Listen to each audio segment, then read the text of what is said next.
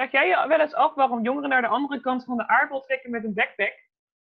Of waarom jongeren bij de weekkant blijven bestellen terwijl ze al genoeg schulden hebben? Of waarom ze drugs gebruiken alsof het niks is? Wij wel. En in deze podcast zoeken we het voor je uit. Welkom. Wij zijn Meert en Kelly.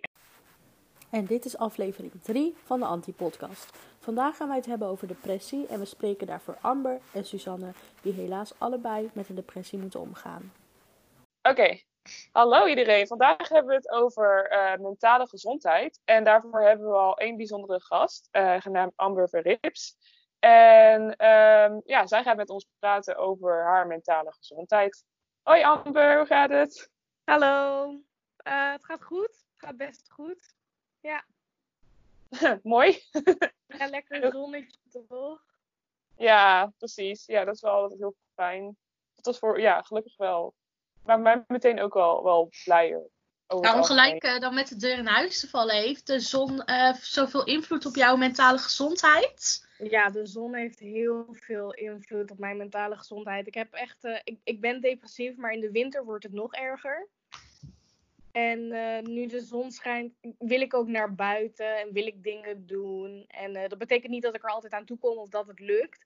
Maar het geeft me wel iets meer motivatie om dingen te gaan doen en om me sowieso beter te voelen. Oh ja, nee, interessant. Ja, ja zeker. Want uh, is dat ook iets waar je dan uh, over praat tijdens de therapie? Dat dat zeg maar zo, uh, ja, zoveel invloed heeft? Is dat ook echt zeg maar iets wat, wat, wat ook echt bij veel mensen gebeurt, dat je toevallig weet? Um, ik weet wel dat bij. Ik zit nu in groepstherapie. En uh, de jongeren bij wie ik de groeps, met wie ik de groepstherapie heb, die merken nu ook dat nu de zon er is, dat het uh, wel wat beter gaat met ze. Mm -hmm. Ja. Dat ja, wel, wel mooi dat dat zoveel invloed uh, kan hebben. Ja, alleen wel jammer dat je dan in Kikkerlandje Nederland woont, waar de zon niet heel vaak schijnt. Ja, dat is dan ook wel weer waar. Wel steeds meer. ja, dat is waar. Niet dat dat een positief gevolg is van iets of zo, maar het schijnt steeds meer. Ja. Uh, en um, kan, je, kan je iets vertellen over, over je depressie in het algemeen, als je wil? Uh, ik uh, heb een persisterende depressie. Dat houdt in dat het een aanhoudende depressie is. Die is wat milder dan bijvoorbeeld een manische depressie. Maar uh, in principe is die er elke dag. En uh, dat maakt het heel zwaar. En veel uh, mensen met um, persisterende depressie zijn dus ook vaak suicidaal. En voelen zich over het algemeen elke dag somber. En um, ik ben daar, ik heb dat, of het is nu vastgesteld voor vijf jaar dat ik dat heb. En um, ja, eigenlijk weet ik niet anders dan dit. Ik zou wel graag anders willen, maar ik denk niet dat het erin zit. Nee. Ja. En je bent nu 20 jaar? Hoe oud ben je nu? 20. 20, ja. Ja, ja. En hoe kom, jij er, hoe kom jij er dan achter? Of tenminste, ik weet niet of je er echt achter komt, maar hoe, hoe wist jij ineens dat jij een depressie had? Of hoe is dat een beetje gelopen vroeger? Nou, toen ik uh, negen was, uh, gingen mijn ouders scheiden. En uh, dat had heel veel impact op mij. En toen um, heb ik uh, eerst uh, kunstzinnige therapie gehad om om te gaan met de scheiding van mijn ouders. Maar ik bleef somber. En ik, ik, bleef somber op de middelbare school. En ik had in de derde al suïcidale gedachten. En toen is er vanuit school een therapeut met mij komen praten. En die heeft mij toen doorverwezen naar Altrecht in Lunetten. En um, daar heb ik eigenlijk. daar heb ik ook therapie gevolgd. En daar is toen vastgesteld dat ik depressief ben. Of was. Mm. Ben. En wat doe je, wat doe je zo al uh, bij je therapie? Ik bedoel, hoe, kan je, kan je uh, uitleggen hoe dat tot wer uitwerking komt, zeg maar? Uh, wat ik nu doe bij therapie? Zeg maar. Ja, ja, ja als je dat wil vertellen. Uh, ik volg nu ET, ERT, emotieregulatietherapie. En uh, dat is eigenlijk uh, therapie waarin je gezonde coping leert. Want de coping die ik voorheen heel erg had was, oh, ik voel me slecht. eh, ik ben suicidaal, ik doe een poging. En dat is natuurlijk helemaal niet gezond.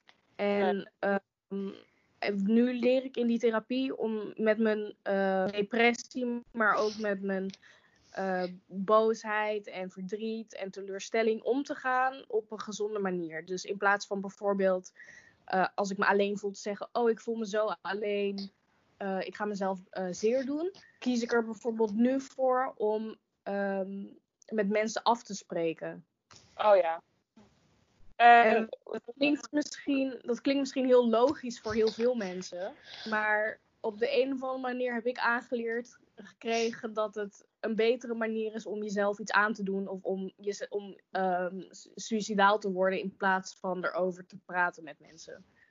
En ga ik toch wel even inzoomen op coronacrisis. Want je zegt, dan kan ik beter gaan afspreken met mensen. Maar nu is dat denk ik best wel lastig, toch? Dus heb je dan wel het idee dat het nu iets minder gaat? Of uh, ja, ik moet nu heel creatief zijn met uh, mijn coping. En dat um, is best wel moeilijk. Want soms wil ik heel graag gewoon dat iemand bij me in de kamer zit. En dat kan niet. Maar um, gelukkig heb ik heel veel vrienden die heel supportive zijn. En uh, dan maar twee uur met me aan de telefoon hangen. Ja, ja, dat, ja. Is, dat is wel heel prettig. Dat je die vrienden hebt. ja, dat is fijn. Nou, we hebben we een beetje over jouw depressie gepraat. Maar we willen ook altijd wel een beetje um, alles koppelen aan het nieuws. Um, ja. Dus ik weet niet, Meertje, heb, heb, jij... Ik heb nog een leuk artikel, maar ik weet niet of jij nog een leuk artikel hebt gevonden. Uh, nou ja, ik heb wel een onderzoek gevonden. Um, mm-hmm. Over dat uh, 1 op de 15 jongeren van de 18 tot 24 jaar last heeft van depressieve stoornissen, zoals ze het dan noemen. En dat is dan ongeveer 6,7 eh, procent. Uh, ik ben alleen heel even de bron vergeten, maar dat zetten we dan wel in de beschrijving. Excuus. Uh, maar uh, ik weet niet wat jouw uh, nieuwtje was.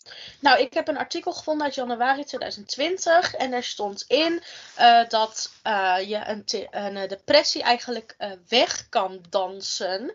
Omdat oh. je brein bepaalde feedback ontvangt. dus als jij heel traag en heel sloom beweegt, dan voel je je ook traag en sloom. Maar als jij heel energiek beweegt, dat je dan jezelf energieker gaat voelen. Dus Amber, ik ben wel benieuwd. Uh, jij hebt een depressie, jij kun je hier misschien in verplaatsen. Wat vind je daarvan? Ik vind het wel grappig. Um, ik, ik weet niet of je depressie weg kan dansen, maar um, het is natuurlijk wel dat als je energieker voelt, als je energieker danst, dat je dan met, dan ben je ook met andere dingen bezig. En dan word je vanzelf vrolijk. Ja, dus je denkt wel als je je gewoon niet goed voelt, dan kan je wel energieke muziek opzetten, maar dan ga je natuurlijk niet super energiek dansen. Nee. nee. Maar je danst wel best wel vaak in je Instagram stories, toch? Ja, dat vind ik wel grappig, grappig toeval hoor. Maar... Ja, ik dans, ik, ik dans heel graag. Want uh, uh, ja, ik word er gewoon heel vrolijk van. En ik vind het ook, um, ik vind het ook gewoon leuk om te laten zien, zeg maar, dat ik ik weet niet, ik, op de een of andere manier vind ik het leuk om andere mensen te laten zien dat ik dans. Omdat het mij heel vrolijk maakt. En dan hoop ik dat ik andere mensen er ook vrolijk mee maak of aansteek om ook te gaan dansen. Ja, ja. ja dus... dus je doet het zelf wel, zeg maar. Ja, maar ik dans wel alleen als ik me goed voel. Dus ja. als ik me niet goed voel, niet dansen. Oh ja. ja dus voor de vraag of het echt helpt tegen depressie. En ik denk ook wel, er zijn denk ik ook wel veel spectra aan depressies. Ja. Waar, waar die soms wel kan helpen. En ja, ik, ja dat, dat maakt het wel moeilijk, denk ik, om te bepalen hoe valide het zeg maar is. Ja. Toch? Maar het lijkt me wel heel grappig als het werkt. Dat lijkt me wel echt serieus leuk. Ja. Nee, ja, maar ik had nog een leuk artikel gevonden.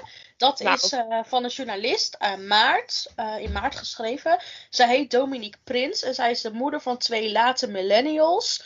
En zij vindt het raar dat zoveel generatiegenoten van haar kinderen een depressie krijgen. Nou, zij dacht aanvankelijk dat dat uh, kwam door hoge prestatiedruk en social media. Maar ze is toch gaan onderzoeken waar dat uh, anders door kwam.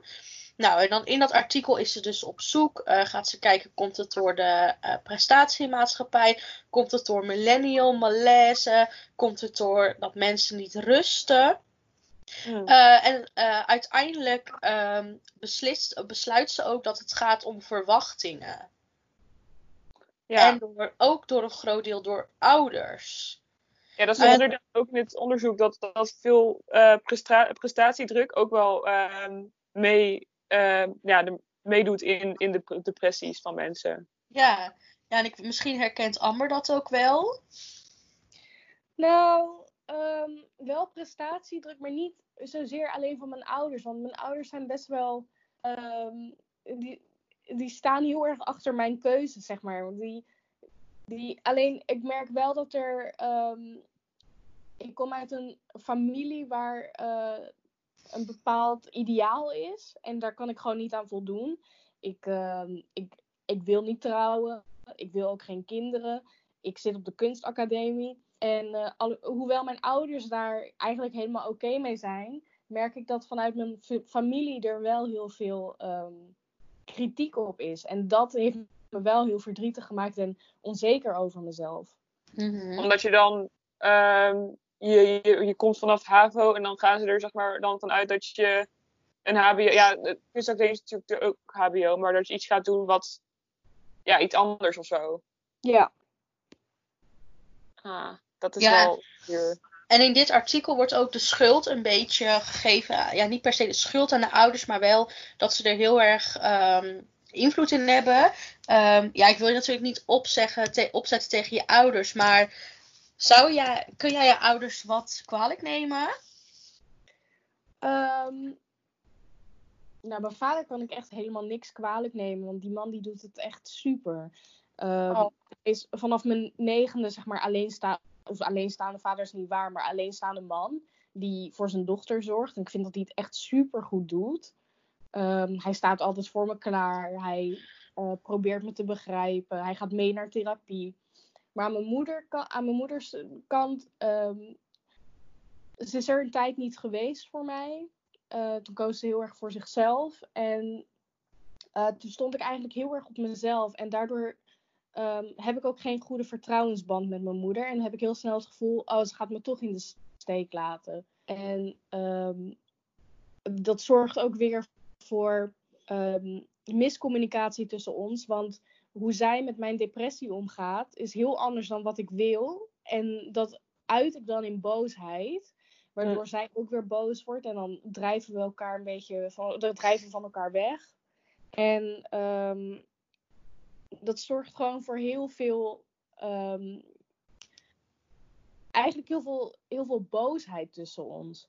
En ehm, ik merk dat ehm, mijn moeder die. Misschien dat bij mijn moeder wel een soort verwachtingspatroon is. Ze, ze wil heel graag dat het goed met me gaat. En daardoor eh, erkent ze niet dat het soms niet goed met mij gaat. En dan praat ze er overheen. Of dan zegt ze: God, wat stel je je aan?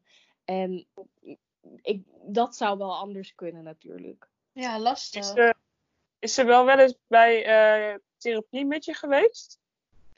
Eén Eh, keer, maar ze vindt eh, vaak de therapeuten zweverig. En ze vindt, ze vindt dat het, eh, ze vindt het allemaal een beetje gezeik. Oh. Weet je. Maar hoe is, jou- hoe is jouw moeder verder dan? Is, eh, is jouw moeder, staat zij sowieso zo in het leven? Of, ehm, of schopt ze misschien gewoon een beetje expres hier tegenaan?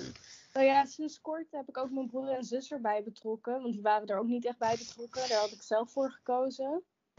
Maar toen ging het uit met mijn relatie. En toen voelde ik toch dat ik er heel erg alleen voor stond. En toen dacht ik, oké, wat moet ik nu doen? Ik heb eigenlijk alleen familie. Ja, en vrienden. Maar vrienden, die ga ik niet meenemen naar therapie. Dus toen heb ik mijn broer en zus meegenomen naar therapie. En die hebben er heel veel van geleerd. En toen ook mijn moeder een beetje ingelicht over wat er nou eigenlijk met me aan de hand is. En sindsdien probeert mijn moeder heel erg haar best te doen om toch mij te begrijpen en met me mee te denken en met te troosten. En dat is heel fijn. Alleen ik had het wel liever gehad toen ik nog echt een puber was. Ja. Ja. Ehm, ik heb trouwens nog een nieuwtje. Ik weet niet of ik te, veel, te snel overschakel naar een compleet ander onderwerp. Nee. Maar eh, nou ja, we zitten nu wel in de coronacrisis. Dus ik vind wel dat we het niet kunnen negeren. Ook al zou ik soms bijna willen. Maar Mhm. eh, ik lees wel nu berichten over mensen die door het in thuisisolatie, doordat ja, ja, een soort van andere routine hebben, ze wel eh, erger in de depressie komen te zitten. Eh, Ja. Onder andere Glamour en ehm, NPO 3FM.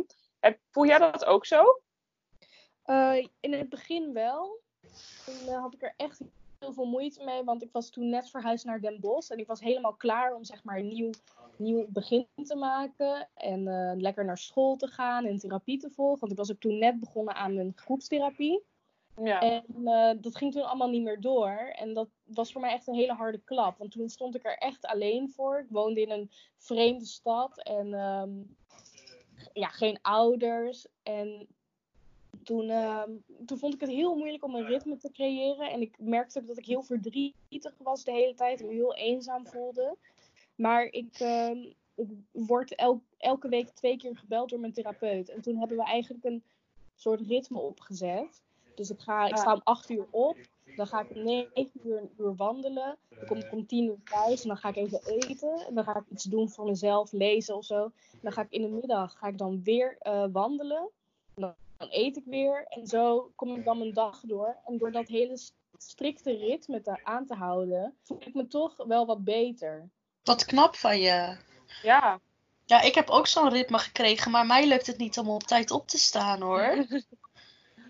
Ja, het is ook soms een beetje moeilijk om niet uit- om, als ik me niet goed voel om te zeggen, oké, je moet nu toch echt uit bed. Want ik woon nu dus in een studentenhuis, dus er is niemand die mij uit mijn bed trekt. Nee. Ehm, dat, maar ik, dan ga ik een beetje met mezelf de pros en cons bespreken. Van oké, wat gebeurt er als ik nu niet uit bed ga? Nou, dan blijf ik de hele dag in bed liggen. Dan eet ik niet, dan drink ik niet. Dan voel ik me aan het eind van de dag alleen maar slechter. En ehm, nu probeer ik dan ook bijvoorbeeld boodschappen te doen voor maar één dag. Zodat ik mezelf moet dwingen om de volgende dag weer naar buiten te gaan.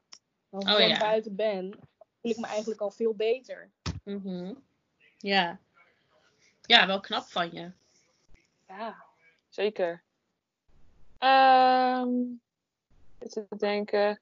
Ja, ehm, bij de therapie, omdat je moeder bijvoorbeeld zegt, ehm, nou ja, het is een beetje zweverig, maar ben je daar ook veel bezig met bijvoorbeeld mindfulness en zo, dat ze dat, dat, ze dat vindt? Dus ik ben best wel nieuwsgierig naar hoe het eruit ziet namelijk.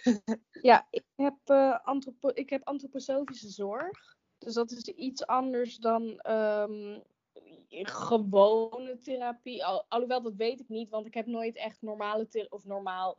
Ik, heb, ik, ik zit nu al best wel een tijd bij antroposofische zorg, dus ik weet niet echt hoe het voor anderen is. Maar ehm, Ja. Ik ben, we zijn heel veel bezig met mindfulness. En ehm, ook heel veel bezig met eigenlijk het begrijpen van emoties. Dus waarom krijg je een emotie en wat is je eh, primaire emotie en secundaire emotie? En eh, hoe reageer je daarop en hoe reageren anderen erop? Want ehm, ik ben bijvoorbeeld eh, afgelopen jaar heel suicidaal geweest. En eigenlijk ehm, heb ik nu zie ik in dat ik niet alleen mezelf daarmee had, maar ook andere mensen. Zo ben ik bijvoorbeeld mijn vriend erdoor kwijtgeraakt. Eh, ik heb mijn ouders heel erg laten schrikken. Mijn eh, broer en zus. Ook mijn vrienden, die zijn heel erg geschrokken. En ik zie nu hoe andere mensen daar ook op reageren. En hoe belangrijk het is om te communiceren. En dat leer ik ook heel erg bij de therapie. Om te leren te communiceren over mijn gevoelens. Oh ja. Ja. Knap. ja, vind ik wel. Ja, en hoe komt het ook dat jij hier zo open over kan praten? Ja, ik vind het eigenlijk gewoon heel erg belangrijk om het ehm, taboe te verbreken. Rondom eh, eh, depressie en suicidaliteit is toch nog een heel erg taboe. En ehm, heel veel mensen schrikken ook als je zegt, eh, ik ben suicidaal. En ik wil graag dat het meer een normaal gespreksonderwerp wordt. Omdat er heel veel mensen mee kampen. En ehm, ik wil ook graag dat mensen zich niet alleen voelen. Want ik heb me heel een tijd heel alleen gevoeld in mijn gevoel van eenzaamheid en suicidaliteit. En ehm, ik, ik wil heel graag dat andere mensen, jongeren die daarmee kampen, ehm, zich niet alleen voelen. En weten dat het ook go- goed is om erover te praten. En het niet alleen op te kroppen. Ja, want inderdaad, als, je, als iedereen er zeg maar stil over blijft, dan kan je, ja, dan, dan kan je het nooit bespreekbaar maken en dan wordt het misschien alleen erger. Ja, precies. Ik ben er weer. Eh, mijn laptop had eventjes een probleem. Het is goed, we waren gewoon verder aan het praten. Je was best wel snel terug trouwens. Ja, gelukkig. Ehm, Amber vertelde net dat ehm, de, het praten over suicidaliteit, dat dat eigenlijk ook andere mensen kan helpen die er ook bijvoorbeeld mee zitten. En dat als je het oproept, dat het probleem erger wordt. Dat klopt toch? Ja. Ja, even kort, kort door de bocht, maar even snel de uitleg zodat Kelly weer bij is. Ja, oh. Ehm, ja, ik weet niet, Kelly, heb jij nog eh, eh, vragen? Eh, nou, ik vind het eigenlijk wel een duidelijk verhaal. Ja, ik ook. Ja, we moeten het natuurlijk wel een beetje niet te lang maken, want we wilden eigenlijk ook nog andere mensen spreken die er nu Ja. niet zijn. Amber, ik ben eigenlijk wel benieuwd. ehm, als jij eh, nou een advies zou mogen geven aan, eh, aan mensen met een depressie. eh, ja, misschien een moeilijke vraag, maar wat zou je dan zeggen? Voor de coronatijd? Of in Gewoon voor in het algemeen? algemeen. Altijd, ja.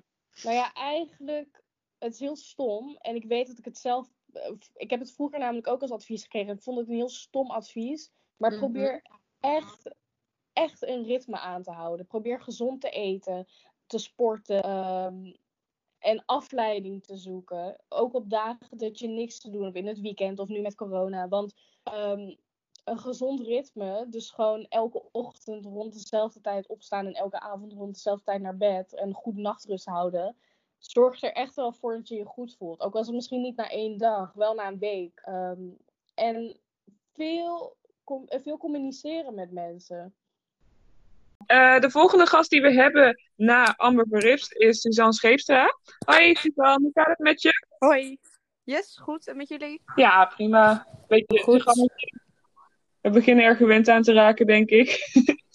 Eh, hoe gaat het met de opleiding? precies. Sorry, wat zeg je? Hoe gaat het met de opleiding? Met de opleiding, ja, mm, op zich, ja. Het gaat. ja, het is nog steeds niet ideaal, maar ehm, Ja. het is niet anders.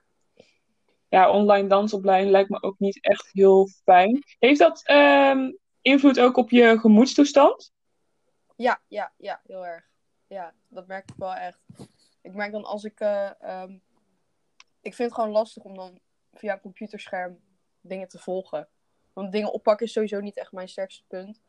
En als het dan nu niet lukt, dan kan ik daar echt gewoon heel de dag helemaal naar van zijn. En echt... Ik neem dat mezelf dan heel erg, heel erg kwalijk als het niet lukt. Ja, Ja. ja, snap ik. Even voor de luisteraars, want we gaan wel heel snel nu, want jij studeert, jij studeert dans. Ja, ja maar dat klopt. doe je dus allemaal, eh, dat kan natuurlijk niet in een danszaal. Nee, nee, klopt. Nu op dit moment niet. Dus daarom hebben wij, eh, wij krijgen nu les via Teams. Oh ja. Ehm, live lessen krijgen we. Dus zo is dat dan nu eh, geregeld. Ja, en ik weet toevallig, jij hebt niet altijd dans gestudeerd. Want wij, Nee, nee, dat wij hebben ooit nog samen op school gezeten in een vorig leven. In een vorig leven inderdaad. In een vorig leven heb ik ook nog social work gestudeerd. Eh, daar ben ik ook nog mee bezig. Ik ben nog bezig met mijn scriptie schrijven. En dan hoop ik die studie af te kunnen ronden. Oh, Ja. oh gelijk. Want wij zitten natuurlijk in een, nu in een podcast waar we het over depressie hebben. Eh, Mhm. En ik denk dat het misschien wel mooi is als jij hem ook een beetje vertelt over hoe jouw studiekeuzes eh, daar, of hoe jouw depressie invloed heeft gehad op jouw studiekeuzes. Want het is wel een hele verandering van dans of van social work naar dans.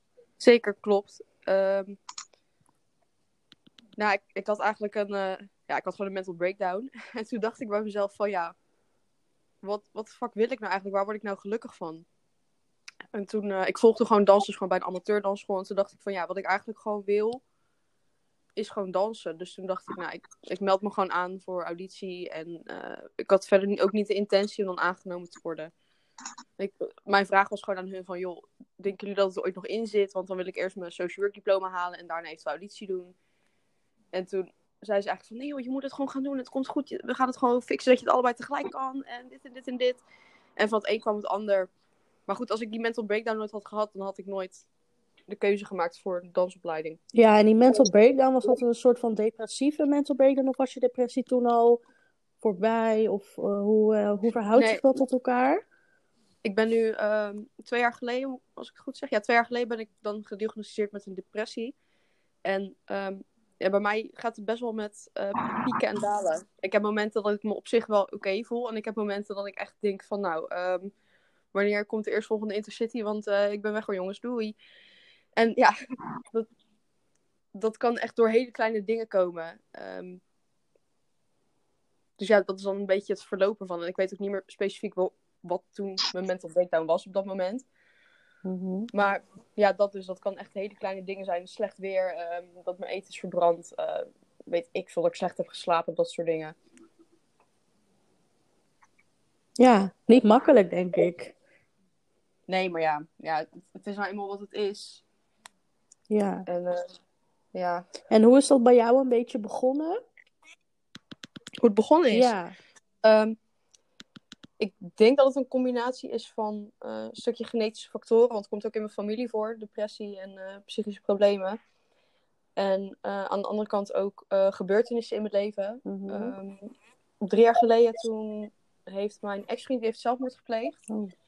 En in diezelfde week heeft ook, ehm, kregen we te horen dat mijn zusje botkanker had. Dus het Oh, waren toen zoveel dingen in één keer.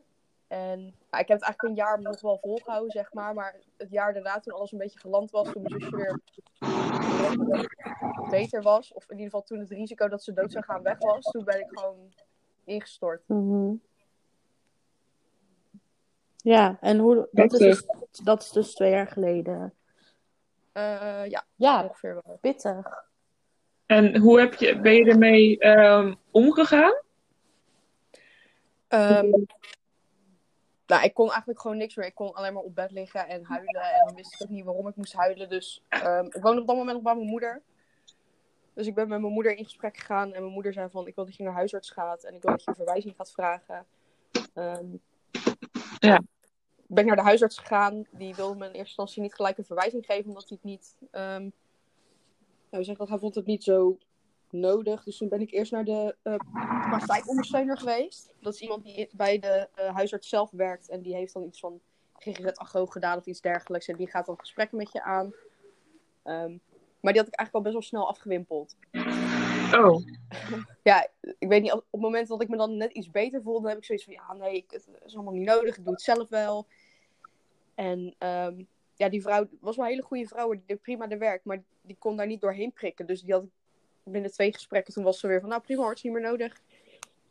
En ehm, ja, die pieken en dalen, die bleven zo gaan. En op een gegeven moment toen kon ik gewoon echt, echt mijn bed niet meer uitkomen. Dan sliep ik gewoon een hele dag achter elkaar. En toen heeft mijn toenmalige vriend, die heeft toen de huisarts gebeld. Die heeft gezegd van, het gaat echt niet goed. Ze heeft een verwijzing nodig.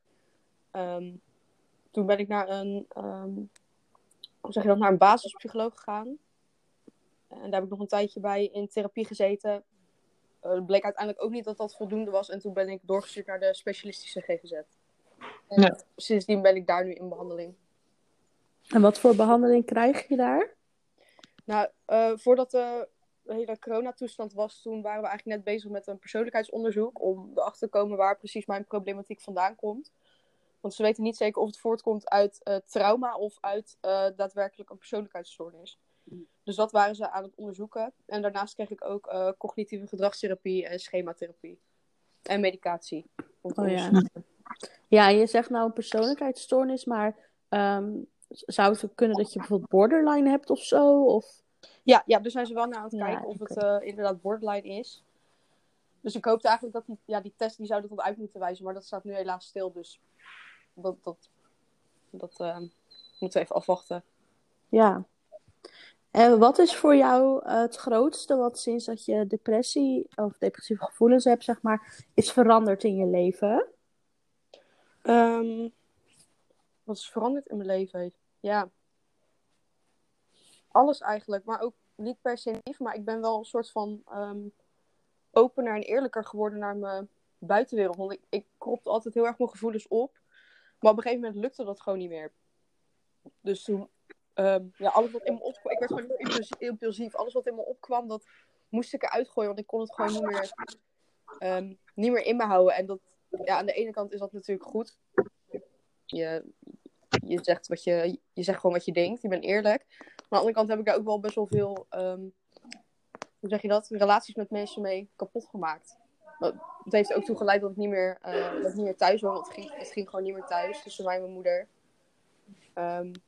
Maar ik probeer zelf vooral te kijken naar wat het me wel heeft, wat het me op eh, welke positieve dingen me het heeft gebracht. Want ik zou nu op dit moment niet zijn waar ik, eh, waar ik zou zijn als ik niet eh, die depressie had. Ja. Wel mooi dat je dat dan ook nog zo kan zien. Ja, zeker. Ja, ik denk ik kan maar beter gewoon het beste ervan maken. Ja. Nee, dat is ook zo. En ehm ja, Mirta, heb jij nog vragen? Ja, ja zeker. Ehm, met de vorige gast, eh, Amber, hadden we het erover dat eh, eh, dansen misschien ook positieve effecten kan hebben. Weet je nog, Katie? Ja. En waardoor je zeg maar je beter gaat voelen, ook als je depressief bent. En voel jij dat ook zo, Suzanne? Ja, ja, heel erg. Echt vlak voordat ik aan de opleiding begon. Dus ik was al aangenomen en dergelijke. En het duurde nog maar heel even dat de opleiding begon. Toen heb ik ook echt weer een eh, hele flinke dip gehad. Toen ben ik ook even opgenomen geweest. En Mhm. ehm, nou, eigenlijk echt vlak voordat de opleiding ook zou begonnen, was ik heel erg aan het twijfelen. Ja, moet ik het wel doen? Want ik zit gewoon zo niet goed in mijn vel. Maar eigenlijk vanaf het moment dat ik ehm, dat de opleiding begon, toen vanaf, ja, vanaf dat moment gaat het eigenlijk zo goed met me. En dat heeft natuurlijk te maken met ook, eh, wat is het, endorfine, serotonine levels die het allemaal met zich meebrengt als je beweegt. En eh, ja, ik zeg wel eens van dans heeft mij echt gered. Als ik niet was begonnen aan die dansopleiding, dan denk ik niet, niet dat ik er nu nog was. Dat is heftig. Ja. ik weet ook niet zo goed wat ik daarop moet zeggen. Nee. snap ik, snap ik. Nee, ja, maar wel echt, echt heel fijn dat je dan eh, jouw manier hebt gevonden om eigenlijk Mhm. er dan mee om te gaan. En dat je ook iets hebt gedaan wat je eigenlijk al wilde. Dat vind ik heel mooi. Klopt. Vind ik ook. En als jij dan ook straks je SPH-diploma hebt, Mhm. ehm, ja, dan, dan ga je natuurlijk werken met eh, mensen die misschien hetzelfde mee hebben gemaakt als dat jij hebt meegemaakt. Mhm. Vind je dat moeilijk of zie je dat juist als een voordeel? Ehm, ik zie het zelf eigenlijk wel als een voordeel. Want toen ik nog echt actief bezig was met, eh, met mijn social work opleiding, toen werkte en liep ik stage in de gesloten jeugdzorg. En ehm, nou, ik, ik zeg gewoon eerlijk, ik heb gewoon een kutjeugd gehad. Ik heb gewoon dingen meegemaakt die niet normale, om even normaal te zeggen, normale kinderen niet mee zouden maken. En ik merkte wel dat ik daardoor, ik hoef dat dan niet expliciet te zeggen, maar eh, ik vind altijd mensen die levenservaring hebben, die hebben een soort van we noemen het maar even aura, klinkt heel zweverig misschien, maar die hebben gewoon iets om zich heen hangen. Je merkt gewoon aan hen van, hé, hey, jij hebt iets meegemaakt, tof, vind ik leuk. En dat merk ik ook in het contact met mijn cliënten. Dat ik met bepaalde cliënten die dan soms soortgelijke dingen mee hadden gemaakt, dat die snel naar mij toetrokken. En dat ik daar betere connecties mee kon maken dan collega's die, ehm, ja, gewoon altijd huisje, boompje, beestje, alles prima. Dat is eigenlijk, dus ik, ik zie het eigenlijk alleen maar als een voordeel. Mhm. Oké. Fijn. Ja. Ja. Ja. En vind je het ook niet soms een beetje ehm, ironisch of zo? Als je snapt wat ik bedoel? Eh, wel, wel, of ik welk gedeelte ironisch vind? Nou, dat je zo aan het werk gaat met dat je zeg maar zelf eh, het allemaal hebt meegemaakt en dat je dan nu. ehm, sorry, er zit echt een super grote spin in mijn woonkamer. Maar echt heel erg groot. Verbrand het Oh. hele. Mijn moeder probeert hem dood te bezemen, maar hij is echt. Oh, mam! Oké, dit gaan we er niet uitknippen, want ik vind het wel leuk. Gewoon nee laten. Nou, wat ik dus zou zeggen is, ehm, heel veel mensen zeggen dat psychologiestudenten zelf ook eh, grote psychologische problemen hebben Mhm. en dat ze die studie gaan doen om zichzelf een soort van te genezen. Mhm. En vind je het dan ook niet op een bepaalde manier ironisch dat jij straks misschien jongeren gaat helpen die hetzelfde hebben meegemaakt? Of, want je zei net, ik zie het als een voordeel en Mhm. zo, maar ja, je kan het ook um, als een beetje ironisch zien of zo. Dat je, want wat heb jij dan eigenlijk voor op die mensen? Nou, wat ik voor op die mensen is dat ik me beter kan inleven in de gevoelens die ehm, mijn cliënten soms voelen. En dat ik oprecht kan zeggen als zij, ehm, als zij zeggen van nou, ik voel, me, ik voel me zus en zo, dat ik oprecht kan zeggen van ik kan me voorstellen dat je je zo voelt. Want ik kan het wel uit het boekje gaan zeggen van ja, ik kan me voorstellen dat het heel naar is hoe je je voelt.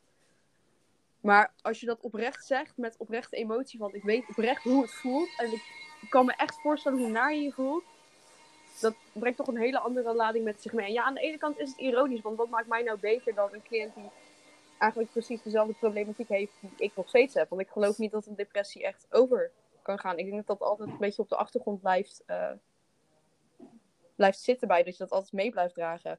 Maar dat is ook juist de insteek die ik wil hebben als hulpverlener. Ik ben niet beter dan mijn cliënten. Wij zijn gelijk. En ik hoop dat ze dat ook juist als motivatie kunnen zien. Van, goh, kijk, mijn hulpverlener is ook niet 100. Maar die kan ook gewoon functioneren. Dus ik kan dat ook. Oh ja. Ja, dat vind ik wel mooi. eh. Ja, Ja, ja. nee, goeie. Zo had ik er zelf nog nooit over nagedacht. Nee, inderdaad. Ja, ik denk dat we wel rond zijn. Ja, nou, ik heb nog één vraag. Als het mag. Tuurlijk. Want jij zei net, ik denk dat het eigenlijk nooit meer overgaat. Ehm, of niet helemaal. En als je naar de toekomst kijkt, vind je dat dan deprimerend of juist niet? Ik vind het heel lastig om eh, naar de toekomst te kijken, inderdaad. Dus ik probeer altijd heel erg ehm, in kleine stappen te denken.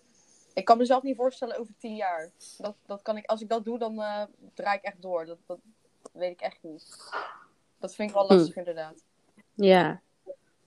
Maar je ziet in ieder geval wel weer een toekomst. Mm, verschilt per dag, verschilt per dag. Op een goede dag dan denk ik, ja, ik heb wel een toekomst. Op een slechte dag denk ik, mm, nee, Laat maar. laat maar.